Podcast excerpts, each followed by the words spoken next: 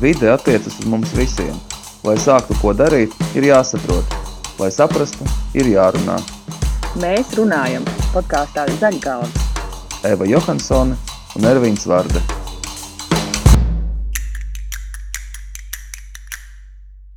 Sveicināti podkāstā Zaļgalvis. Jūs uzrunā Eva Johansone. Ceru, ka šī diena tik tālu ir izdevusies laba, un šī saruna tikai uzlabos to ļaujot papildināt zināšanas par vidas jautājumiem, kā arī, kā arī par jauno raidījumu, kas kopš 10. janvāra skatāms LTV1. Proti, katru svētdienu, pulksten 18.15. jūsu ekrānos LTV1 parādīsies cilvēka galva, kas pēkšņi uzplaukst pumpurā. Un tālāk vārde ar garu zaļu grebeni 13 minūtes sarunājas ar kādu, kuram ir ko pastāstīt par sevi un savu zaļgalvaino dzīvesveidu. Šis podkāsts ir daļa no pieminētā raidījuma, kurā mēs centīsimies plašāk aplūkot raidījuma tematus. Taču pašu pirmo sarunu nolēmām veltīt tam, lai izstāstītu, kādēļ vispār šāds raidījums, podkāsts, zaļgalvis un vēl piedāvām rakstu sērija interneta žurnālā Satorija LV. Mani sarunu biedri šodien ir raidījuma zaļgalvis talantīgais un, es teiktu, nepieradinātais režisors Uģis Olte un itin noslēpumainais raidījuma vadītājs Ervīns Varde. Sveicināti, kungi! Paldies, ka pievienojāties! Sveiki, sveiki! Labvakar! Vispirms iepazīsimies. Ervīns Varde, Rīgas laika tekstu atšifrētājs, rakstnieks, cilvēks, kurš allaž kaut kur iekuļas, dabas pētnieks un tagad jau arī raidījuma vadītājs Latvijas televīzijā. Uzvārds Vārde noteikti ir labs iemesls izvēlēties tevi par raidījumu vadītāju. Droši vien tādēļ arī Inga Mārta Līdaka izvēlējās par zooloģiskā dārza vadītāju. Kā tev šķiet, kādēļ Satorija nosprieda, ka raidījums jāvada tev? Man eh, līdz šim tas ir noslēpums, taču šķiet, ka es eh, tur iederos. Es palūdzu Satorija galvenajam redaktoram, Henrikam Eliasam Zēgneram, nokomentēt uh, savu izvēli tieši tevi ielikt par seju vadītāju un sarunu vedēju zaļgalvī. Ideja par to, ka Ervīnam Vardam vajadzētu parādīties televīzijā, taisnība sakot, man radās vēl kādu brīdi pirms uh, tā bija ideja par šo konkrēto raidījumu. Proti, e, kādā reizē mēs devāmies kopīgā e, pastaigā, un Ervīns piedāvāja maršrutu caur dažādiem e, Rīgas kapiem. Un devāmies pastaigā, plāpājām, un ik pa brīdim viņš sarunu ļoti iejūtīgi pārtrauca, sakot, hei, paklau! Er, kur tur ir redzams, tas ir meža strasts. Viņš dzied šādā veidā, viņam ir dzīve tāda un paradumi šādi. Un es uz uh, viņu skatījos un klausījos viņā un domāju, ka jā, tā viņa uh, harizma un tas viņa šarms un viņa zināšanas uh, kopā it īpaši ar šo te dabas tematiku, nu, tā ir vienkārši uh, dabas veidota uh, TV personības arī dzēnu visu citu starpā formulu. Un man ir liels prieks, ka šo ieceru ir izdevies arī realizēt. Ervīna Vārde, kā tu pats raksturotu sevi? Filozofs Sārtrs teicis, ka mēs esam tie, kas mēs esam citiem. Kāds tu esi citiem, tavuprāt? Ļoti dažādi. Man liekas, ka tā amplitūda, kāds es šķietu citiem, noteikti nav tas, kā es sevi uztveru. Mm, kāds es esmu? Nu, man jau šķiet, ka gaužām vienkārši un, un ļoti savāds reizē. Es atzīšos, apmēram 34 gadus es tevi nebiju pamanījusi. Es tevi pamanīju pirms kāda gada, kad uh, sāku lasīt tavus rakstus, un pēkšņi tu esi kļuvis par tādu kā varoni dažādos žurnālos, par tevi fano. Kā tu jūties?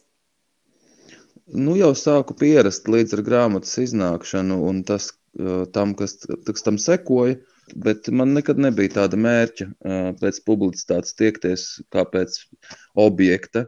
Varbūt tāpēc arī es nebiju pamanāms. Nu, plus, eh, ja tu parādies kaut kādā vienā vietā, tad automātiski tu ietrāpi micēlijā un tad sākas. Un, nu, Sporas sāk izplatīties. Jā, jā, sporas sāk izplatīties un beigās tad, uh, nu, nesaproti vairs.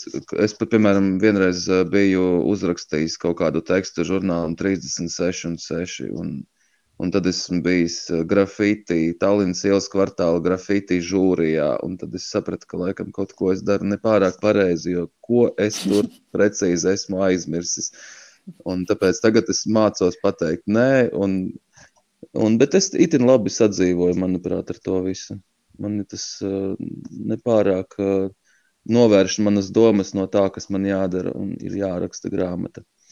Tev vēl nav zvaigžņu slimība, tu Latvijā dabūji balvu par debiju, tagad visi šie panākumi.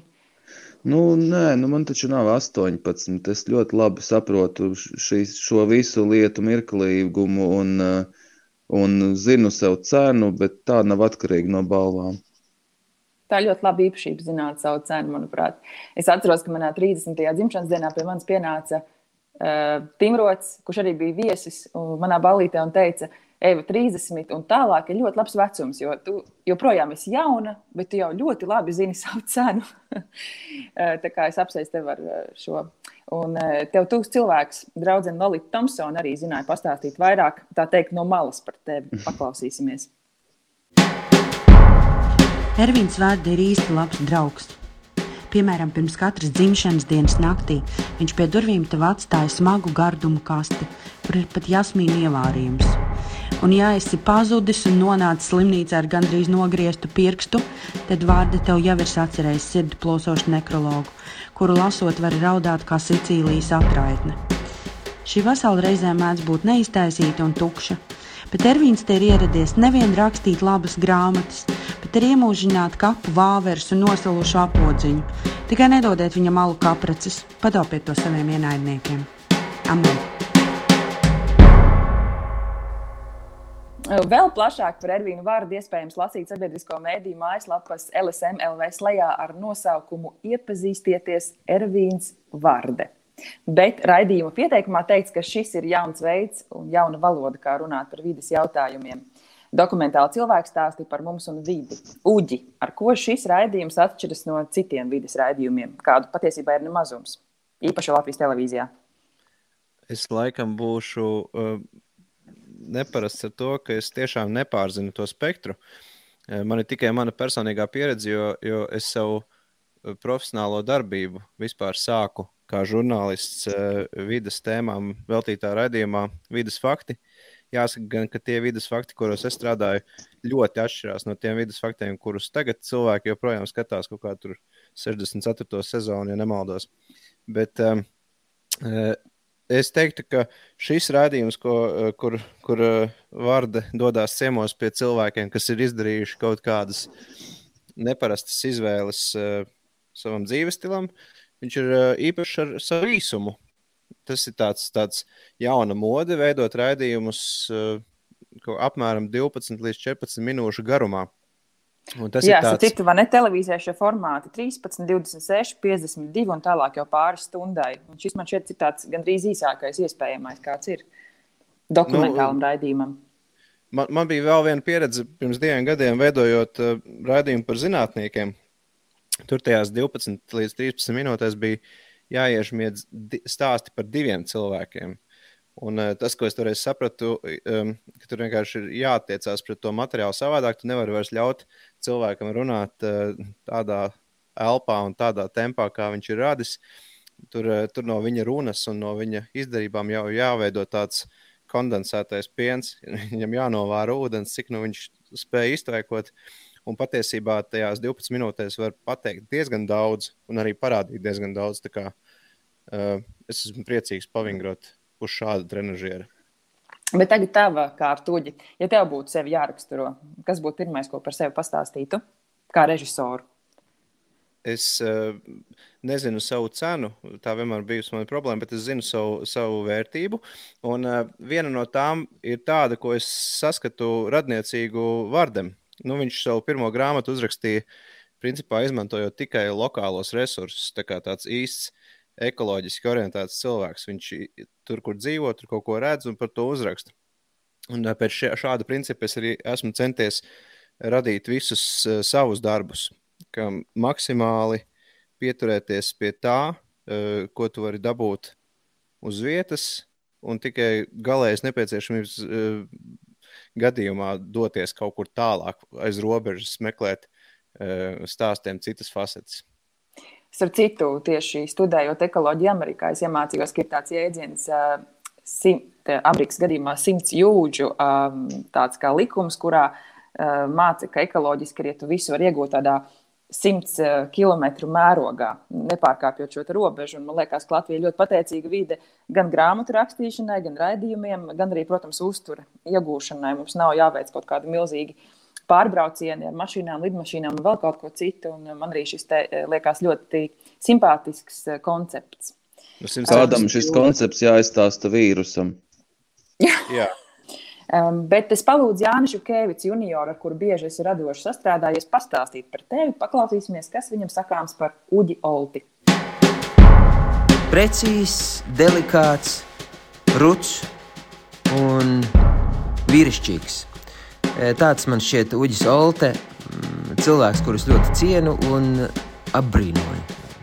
Viņš, manuprāt, ir bildes un konceptu vizualitātes komponists. Viņš ļoti muzikālos terminos domā un rada, un arī, kad apraksta savu ideju, bieži vien ir tāda sajūta, ka tur iekšā, iekšā ir, uh, ir viens mūzikas radītājs patiesībā, kurš uh, ir pārvērtis to visu skatāmās bildēs un, un tekstos. Manuprāt, Uģis redz lielās līnijās, viņš Eh, strādā ilgtermiņa tādās darba kategorijās, un, eh, un eh, vismaz rodas tāda sajūta, ka viņš nekaunās par iepriekš padarīto arī par jaunības grēkiem. Ja man, piemēram, tāda noteikti ir daudz. Viņš katrā ziņā, manuprāt, dara tā, ka tas, tas izskatās ļoti pārliecinoši arī pēc ilga laika. Vismaz viņš spēja to visu tā pamatot. Un tā ir vēl viena uģa ļoti spēcīga Eh, izpausme, viņa oratora talants, viņa retorikas māksla, Uģis eh, māca pastāstīt nepastāstāmo, un, eh, un, ja vajadzēs, viņš pierādīs arī, ka viņa vispār nav. Bet ļoti labi, ka viņš ir. Zinu, ka tu, Uģi, esi arī bioloģiskās pļavas īpašnieks. Ļoti daudzos raidījumos, akcijās, kur tiek risināta dabas un cilvēka attiecības, esmu klausījusies tavu privāto stāstu, tu diezgan daudz ar to dalies. Um, šķiet, ka tev tiešām interesē klimata krīze un vidas jautājumi um, un cilvēku darbības tajā ne tikai kā režisoru, vai tā ir?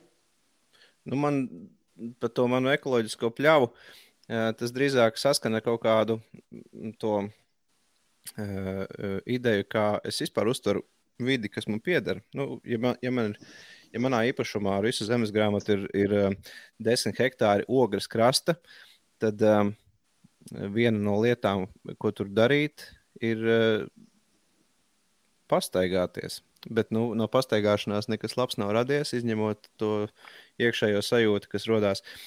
Un, uh, un tad es nolēmu, ka man tur ir pļava, kas, ja viņu atstās nekustīgu, tad viņa lēnām aizaugs ar krūmiem, un tas arī nevienam nav vajadzīgs.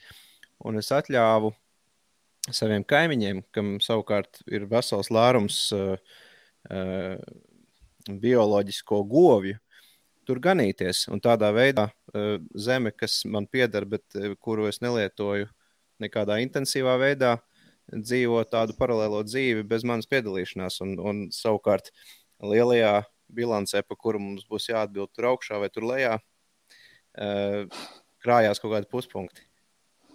Jā, arī manā ģimenē ir bioloģiskā pļava. Un, un visjaukākais ir tas, ka tieši tā nekas nav jādara. Par to pat bieži vien nāk Eiropas maksājumi. Ir jāuzmanā, jānopļauj viņa, bet uh, tā ir laba sajūta, ka, ka, ka mēs neņemam no dabas, bet dodam. Un tad visi tie kukainīši, dzīvnieciņi, abinieki, kas tur dzīvo, um, liekas, man, manā gadījumā tas ir um, Lubānas, Mitrāja klāni. Visi tur ļoti laimīgi aizbrauc paskatīties. Un tur viss tik harmoniski un priecīgi, ka man prieks, ka man tas gabaliņš ir un viņš var vienkārši dzīvot savu dzīvi. Man ļoti patika, kā Austris Mailīcienēs gudri izteicās, ka, ja tev, piemēram, pieder kaut kāda pļauja, kur tu negribi pļaut, bet, eh, ja tu gribi atstāt iespēju, ka tā pļava nav nevīžīga, tad vajag eh, tai taciņai, nu, teiksim, izpļaut taciņu, lai viņai ir precīzas paralēlas malas, un ja tur, piemēram, ir kaut kāda kā, ietve ar kaut kādu, eh, nu, kā tas sauc, boģūra, apmalīti. Tad vajag, uh -huh. lai tā apmalīte nekad nav aizaugusi ar sūnām, ar kaut kādām zālēm, lai viņa izravētu. Un tā mazā detaļa kas ir sakopta, radīs iespēju, ka tas viss pārējais, ka tā tam ir jābūt. Tieši tā. Un, uh, lai zinātu, kas ir bioloģiski pļauja, viņi tiešām ilgākā laika periodā veidojas. Tā bioloģiskā pļava ir tā, kurā redzami augi dažādos stāvos, proti, dažāda garuma augi. Un var redzēt dažādas puķītes, dažādas zālītes, dažādas smilgas. Jo vairāk vienā kvadrātmetrā smilgu, zālīšu un augu jūs redzat, jo bioloģiski bagātāk šī pļava ir. Ir, ir interesanti vērot, nu, piemēram, manam kaimiņam, tur uz kalnu, kalna augšā, vienmēr ir tā, tā ka vasaras vidus tuvojās. Tur ir margrietiņas, tur ir tās violetās puķis, tur ir tāda, nu, tāda īsta Jāņu pļava, jo, jo mm -hmm. tur ir ganījušās tās govis ļoti ilgi. Un man, tā, kad es to zemes gabalu nopirku, tur principā bija tāds nātris un, un, un uh, vībotnes un, un principā nekas cits. Un tagad, kad tās, tas ganāmpulks, viņš paganās pie tā kaimiņa, viņš atnāk pie manis un bieži vien nu, viņš tiek pār, pārdzīts uh, vienas dienas ietvaros. Tad viņš ir pārēdis tās kaimiņa puķes, bet uh, pakakā viņš jau manā pļavā.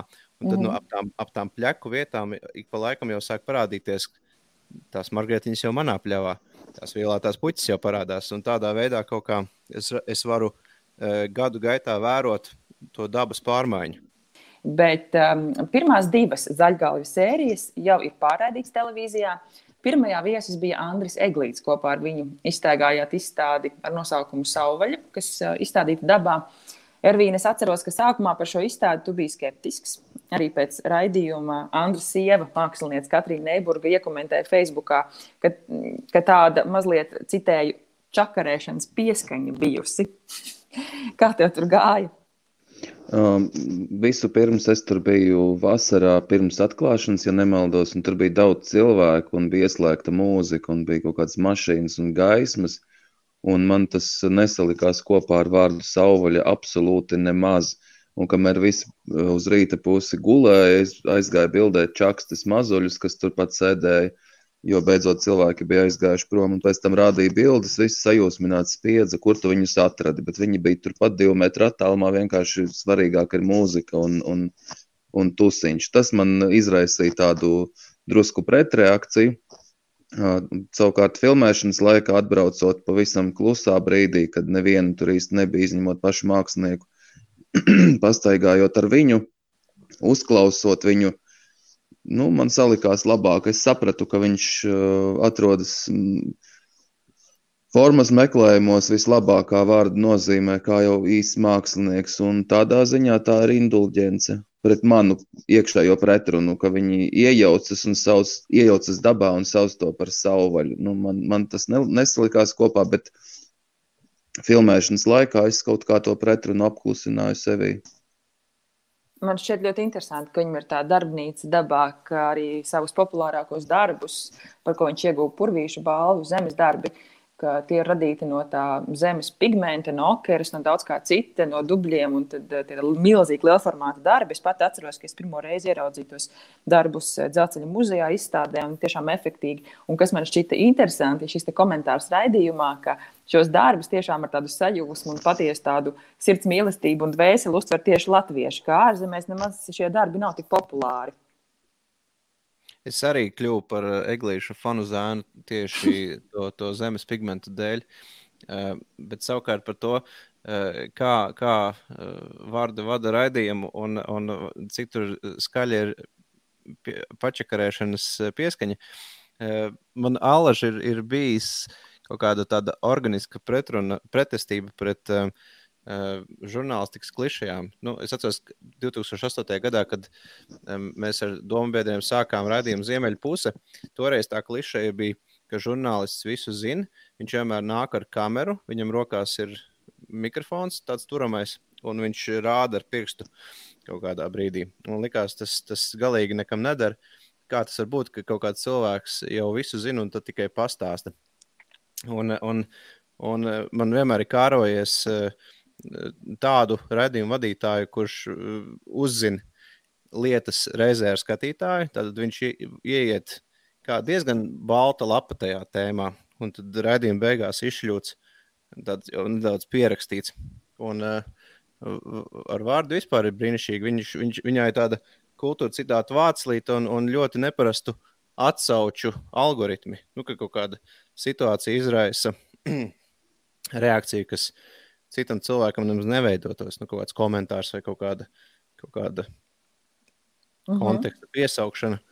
Tāpēc es domāju, ka mierīgi vajag skatīties šo raidījumu un, un tādā veidā pabagātināties. Šitāds vēl nav redzēts. Es piekritīšu.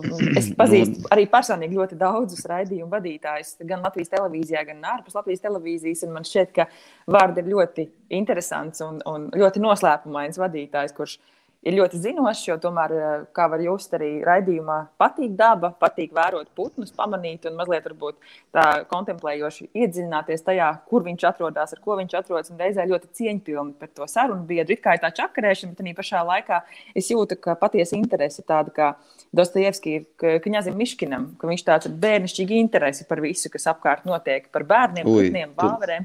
Tūlīt man sāksies epilepsijas lēkme, kā viņam aiz sajūsmas. Bet es domāju, ka to uh, noklausīšanos līdz galam ir iemācījušas intervijas, kuras es šifrēju. Es vienkārši nespēju izturēt, kad cilvēki pārtrauc viens otru, nepabeidz teikumus un bāž savu es pir pirmā vietā. Tāpēc es, uh, ja es runāju, tad es klausos, un, un tas varbūt to čakarēšanos uzlabo. Un arī es atceros, vienreiz Pauls Timrots raidījuma te sapulcē uh, visus pārējos trostēji, ka nav obligāti tev jāpatīk eh, tam stāsta varonim vai tā stāsta tēmai, kuru tu izvēlējies eh, veidot. Tu drīksti būt, drīksti nebūt nekritiski sajūsmā par visu, ko piedzīvo. Un tā arī ir reta parādība. Visbiežāk žurnālists visu zina, un viņš vēl ir ļoti priecīgs satikt to savu stāstu varoni un stāstīt tieši šo stāstu. Bet ir taču arī vēl citas emocijas iespējams. Un, šajā gadījumā man, es, es priecāšos par katru brīdi, kad, eh, kad um, redzējuma vadītāja izējas pozīcijā un stāsta tēmā būs iespēja kaut kādam konfliktam vismaz būt vai, vai noplakt vai augt lielākam. Nevelti raidījums ir eh, arī šajā žanrā dokumentālais eh, cilvēks stāsts, dokumentāls, kas nav iestudēts, kas nav sižets, kas nav spraigi samontēts. Bet Uģi varbūt var pastāstīt, ka raidījuma noslēgumā vienmēr ir tāds, ka ķirsītas uz tortes vai tāds gudrs, vietas zinošs cilvēks, kurš tā kā mazliet apkopo šo raidījumu. Pastāsti, kas tas īsti ir? Nu, tas ir tā kā, ja tu uzliec saules brilles, kurām ir kaut kāda nokrāsas stikli, nezinu, vai rozā, vai zaļi, vai dzelteni. Un, ja tu visu laiku ar viņiem staigās, tu, tu vienā brīdī aizmirsīsi, nu, kā tā pasaule izskatās bez brillēm. Un tad tajās redzējuma beigās ir tāda brīļu noņemšanas brīdis, kad kad ekrānā parādās uh, cilvēks, kurš patiesībā vismaz teorētiski zina labāk par kaut ko vai vairāk, vai, vai citu aspektu tai tēmai, kas nu pat ir iztirzāta. Un viņam ir dota viena minūte pielikt kontrastu vielu šim stāstam. Mm -hmm. Es, es atvainojos, bet zaļas brilles nedrīkst noņemt. Nu, var uh, vienu sarkanu aci. Par raidījumu nosaukumu Zaļgalvis. Es teikšu, godīgi, ļoti grūti ir izrunāt šo nosaukumu. Eh, sākumā bija domāts eh, nosaukums Vārde ar grebeni, tad bija Vārde ar stroķi. Kāpēc Zaļgalvis? Nu, mēs ar Henriku tikāmies un uh, izdomājām kaut kādus 20 nosaukumus. Nu, tā vienkārši šaudoties uz visām pusēm. Un uh, vienā brīdī tur pat aizgājām tik tālu, ka parādījās versija dabsteps no vārda daba. Uh, un, bet beig, beigās visi nobalsoja, un zaļgāvis tika atzīts par tādu gan drusku nesaprotamu, kas ir labi, gan drusku raksturojošu, un, un drusku arī, nu, nu, kā metafora, zaļa domāšana, zaļa galva.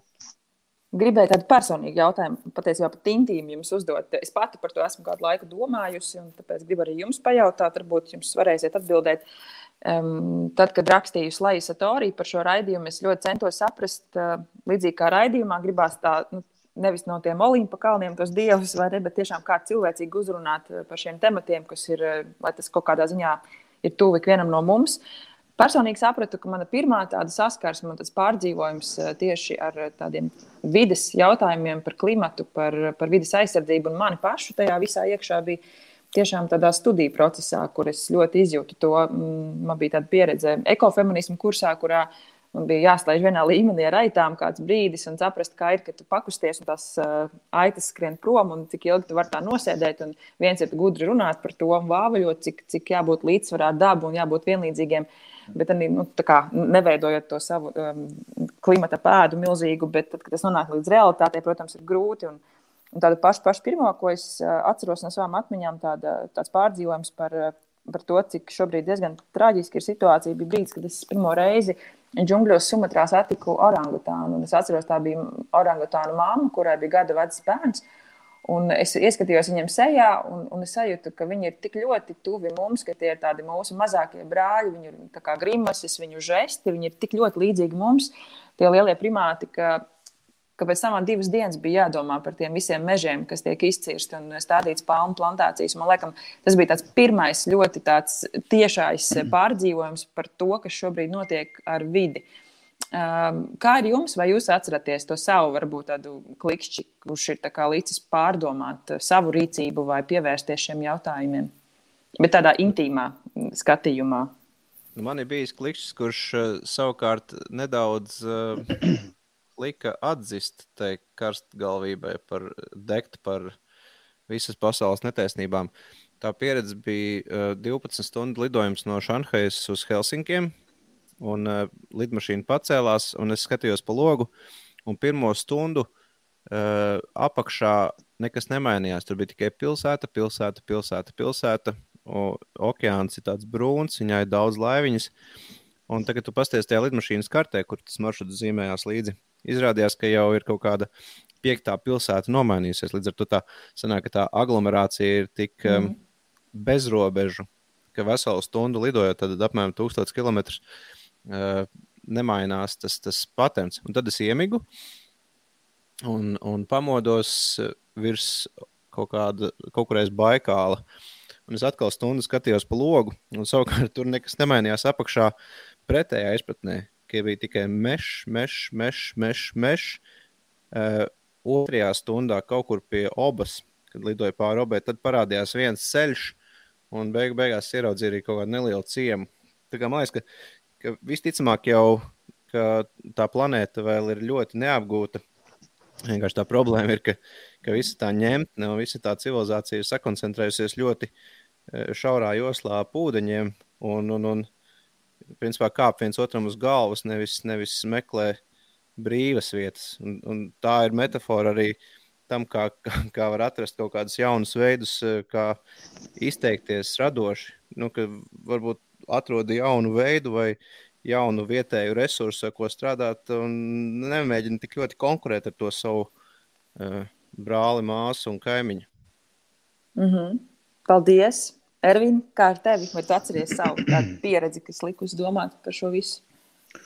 Man liekas, ka tāds uh, maziņš mikroinsults notiek katru reizi, kad es ieraugu dziļi, dziļi mežā kaut kādas pudeles. Tad es vienmēr domāju, kāpēc. Viņi taču viņas atnesa, kāpēc viņi nevarēja viņas aiznest.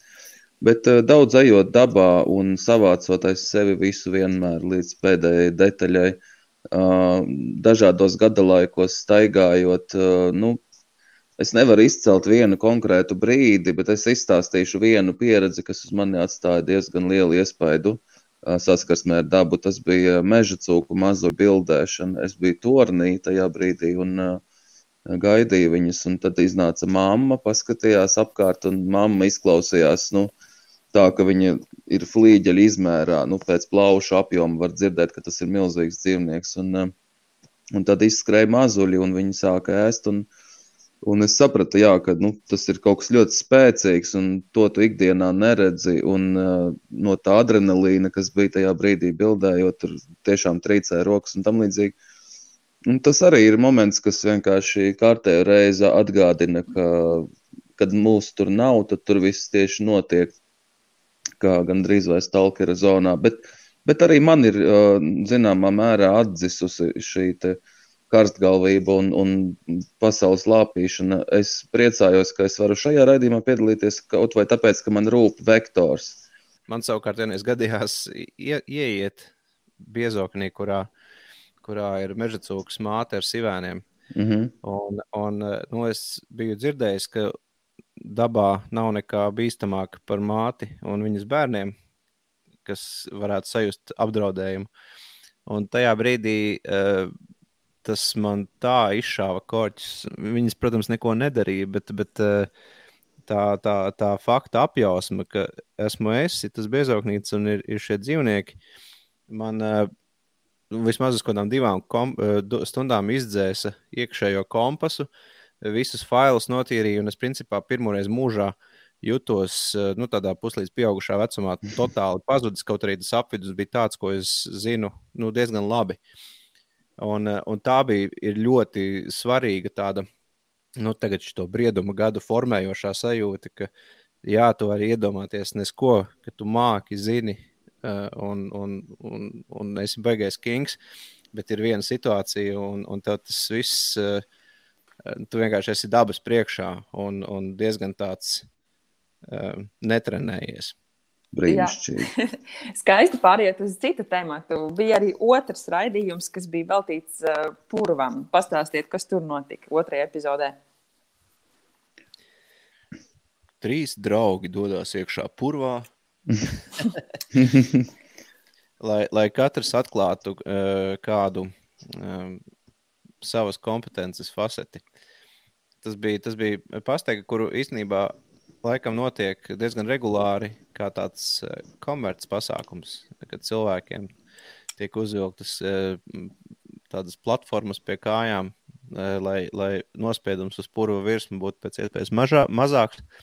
Ja jums un, ir 48. kājas izmērs, jums nebūs tā kurpa, nederēs viņa muks nost. Es uzreiz gribu pasūdzēties. Tā mēs gājām. Tas ir liels vārdi. Mm, tā ir. Un divas dienas vēlāk es gāju vēlreiz. Jo, jo man liekas, ka purs, purs ir viena no fascinējošākajām tādām Latvijas, nu, kā tos uz biotopiem vai vidēm. Tāpēc, ka tā ir retā Eh, vide mūsu platumgrādos, eh, kas ir diezgan nepiemērota cilvēka klātbūtnē. Nu, ja tu tur stāvēsi, tu vienkārši iegrims sunās, tu diezgan ātri būsi slapjš. Nu, vispār pāriet pāri purvam uh, ir, ir problemātiski, un vēl piedāvājumi pa virsmu uzzies tāds krietnes slānis uh, visādi mitoloģisku šausmu, ko cilvēki par purviem domā. Un es jau es, uh, kaut kādus jau 12 gadus fermentēju vienu uh, spēļu filmu ideju kur, kur Purvs ir liels spēlētājs. Bet uh, tā, kamēr šī filma nav uh, ne tuvu tapšanai, es esmu priecīgs par katru iespēju atgriezties tajā ļoti krāsainajā un, un nu, principā, Latvijas tūkstošos, kas ir tīreļi. Tieši gribēju teikt, ka man raidījuma pārsteigums bija tāds, ka tie zinātnieki, kas redzam raidījumā, viņi salīdzina purvu ar tūkstnesi. Es nekad nebiju iedomājies par šādu salīdzinājumu. Um, es zināju, ka Latvijā ir mazliet vairāk nekā 10% purvu, un mēs esam purvu patiesībā tāda liela valsts, no kuras mēs iegūstam gan resursu, gan mēs tagad arī rekreācijā to ļoti attīstām ar supošanām, saulēktos un saulrietu sagaidīšanām un viršu baudīšanām. Un man šķiet, ka tās takas, tagad es vakar paskatījos, cik tās takas ir izveidotas purvos, viņas ir ļoti daudz. Un, uh, kas ir interesanti un amizanti, ka bieži vien ārzemnieki un turisti pat eh, brauc kā traki un priecājas par tām takām un, eh, un lientai purvām. Bieži vien apbrauc kāds ciemos un saka, aizbraucam uz purvu. Un mēs pat paši vēl neesam tik ļoti, vismaz nu, manā tajā lokā vai burbulī, tos purvus izpētījuši, kā tie, kas atbrauc. Viņi jau zina, ka viņi grib tās skaistās Instagram bildes saulēktā un viņi grib redzēt, kāds izskatās, kad ir tāds tuksnesis. Viņi gan lietoja ne tikai tūkstnesi kā, kā salīdzinājumu, viņi teica, ka purs ir kā grāmata un purs ir kā grūtniecis vēders, un tur bija daudz visādi jocīgu salīdzinājumu. Bet tās puru takas, pēc manas novērojuma, tur drīz jau prasītos divu virzienu satiksmi ieviest. Nu, pa vienu un to pašu taku var, ne, nevar iet abos virzienos, jo, jo nu, vismaz pēdējās trīs reizes, kad esmu riskējis doties uz, uz purva nu, tām laipu takām, uh, tas ir viens no visblīvāk apdzīvotajiem uh, no tādām vidēm. Un arī es braucu uz dēļiem, vienmēr caur, caur kangaru kalniem. Tur, tur ir Latvijas jaunākā purva taka, tur, kur lielo kangaru skatu tonis noiet lejā un kaut kur tur pa purviem iet arī laipa. Ārprāts, cik tur ir mašīna, tā kā pie tādas spices. Uh, ķemaros un, tas pats, ķemaros tieši tas pats ir, jā. Un Covid neko nav mainījis, tāpēc man vienmēr ir šausmas domāt par to, uh, Eh, kā cilvēki mainoties uz tās šaurās takas, aiztur elpas un, un, un cenšas neskatīties viens uz otru un nāpot virsū. Um, mums jau tā saruna tuvojas izskaņai. Es vēl tikai vēlējos pavaicāt, varbūt ir kaut kas, ko gribas, jums ir tagad dots uz rupors, uh, ko gribas pateikt skatītājiem. Pirmās divas epizodes ir bijušas, būs vēl vairākas epizodes. Svētdienās 18.15. Jums ir šobrīd iespēja kā no uģim, kā no aizkadra iznākt un kaut ko pateikt, ko gribat pateikt skatītājiem. Savukārt, vārdiem kaut ko, ko noteikti neizmontēs laukā, kā to var izdarīt raidījumā. Es izmantošu iespēju citēt kaut kādu dižgaru, kurus neatceros, kas, kas bija viņš oriģināli. Bet viņš esot teicis, ka es gribēju pateikt to, ko uzrakstīju, tad es varu teikt, ka es gribēju pateikt to, ko es parādīju. Protams, tur vienmēr ir vēl, vēl, vēl daudz ko, daudz ko mm, piebilst, bet nu, katra iespēja mm, uztaisīt mazu stāstīnu par, par kaut ko, kas ir tepat blakām un, un mm, nezinu tās šosejas malā, pa kuru tu parasti uz 80 aizbrauc, nekad neapstājoties, jo nav bijis iemeslu. Uh, bieži vien filmēšanas vai filmēšanu braucieni ir, ir, ir brīnišķīgi ar to, ka viņi tevi piespiež apstāties tajā vietā, kur tu citādi nenokļūtu un satikt cilvēkus, ar kuriem tev nekad mūžā nekrustotos taks. Un, uh, ja to vēl var pēc tam kādam parādīt, nu brīnišķīgi. Paldies, Ervīna! Tā, nu es, ar, es arī ar citātu mētāšanu tūlīt nodarbošos. Um, reiz bija atnācis režisors Zvaigznes uz savas filmas uh, apspriedi, un viņam iedeva pēcvārdu. Uh, pirms tam vis, abas puses strīdējās. Vieniem ļoti nepatika, viņi stāstīja, kāpēc, otrs stāstīja, kāpēc ļoti patika. Un viņš pateica beigās, ka viņš negribēja šurp nākt un nevelti, un ka mēģināja visos ceļos izvairīties, bet tomēr nespēja. Un ka pirms tam viņam atsūtīja DVD ar iepriekšējo raidījumu ierakstu, kurā bija Kirillis Rebņikovs, kurš teica, ka viņa prāt ir ļoti labi nākt uz tādām diskusijām, jo filma dzimst diskusijā. Un Zvaigznes piebilda, ka te viņš kategoriski nepiekrīt, jo filma piedzimst cilvēka dvēselē intīmi. Vai piedzimst, vai nomirst. Un tas ir tas viss, ko viņš gribēja pateikt. Skaisti. Lūk. Paldies! Paldies maniem sarunu biedriem, režisoram Uģim Oltam un rakstniekam Ervīnam Vardem. Eh, vēl ļoti svarīgi noslēgumā piebilst, ka šī saruna iespējama, jo podkāstu zaļgāvas tapšanu finansiāli atbalsta vidas aizsardzības fonds. Paldies jums par sarunu un tiekamies citos raidījumos. Savukārt nākamo podkāstu jums vadīs Ervīns Varda. Jauku dienu! Atā. Atā.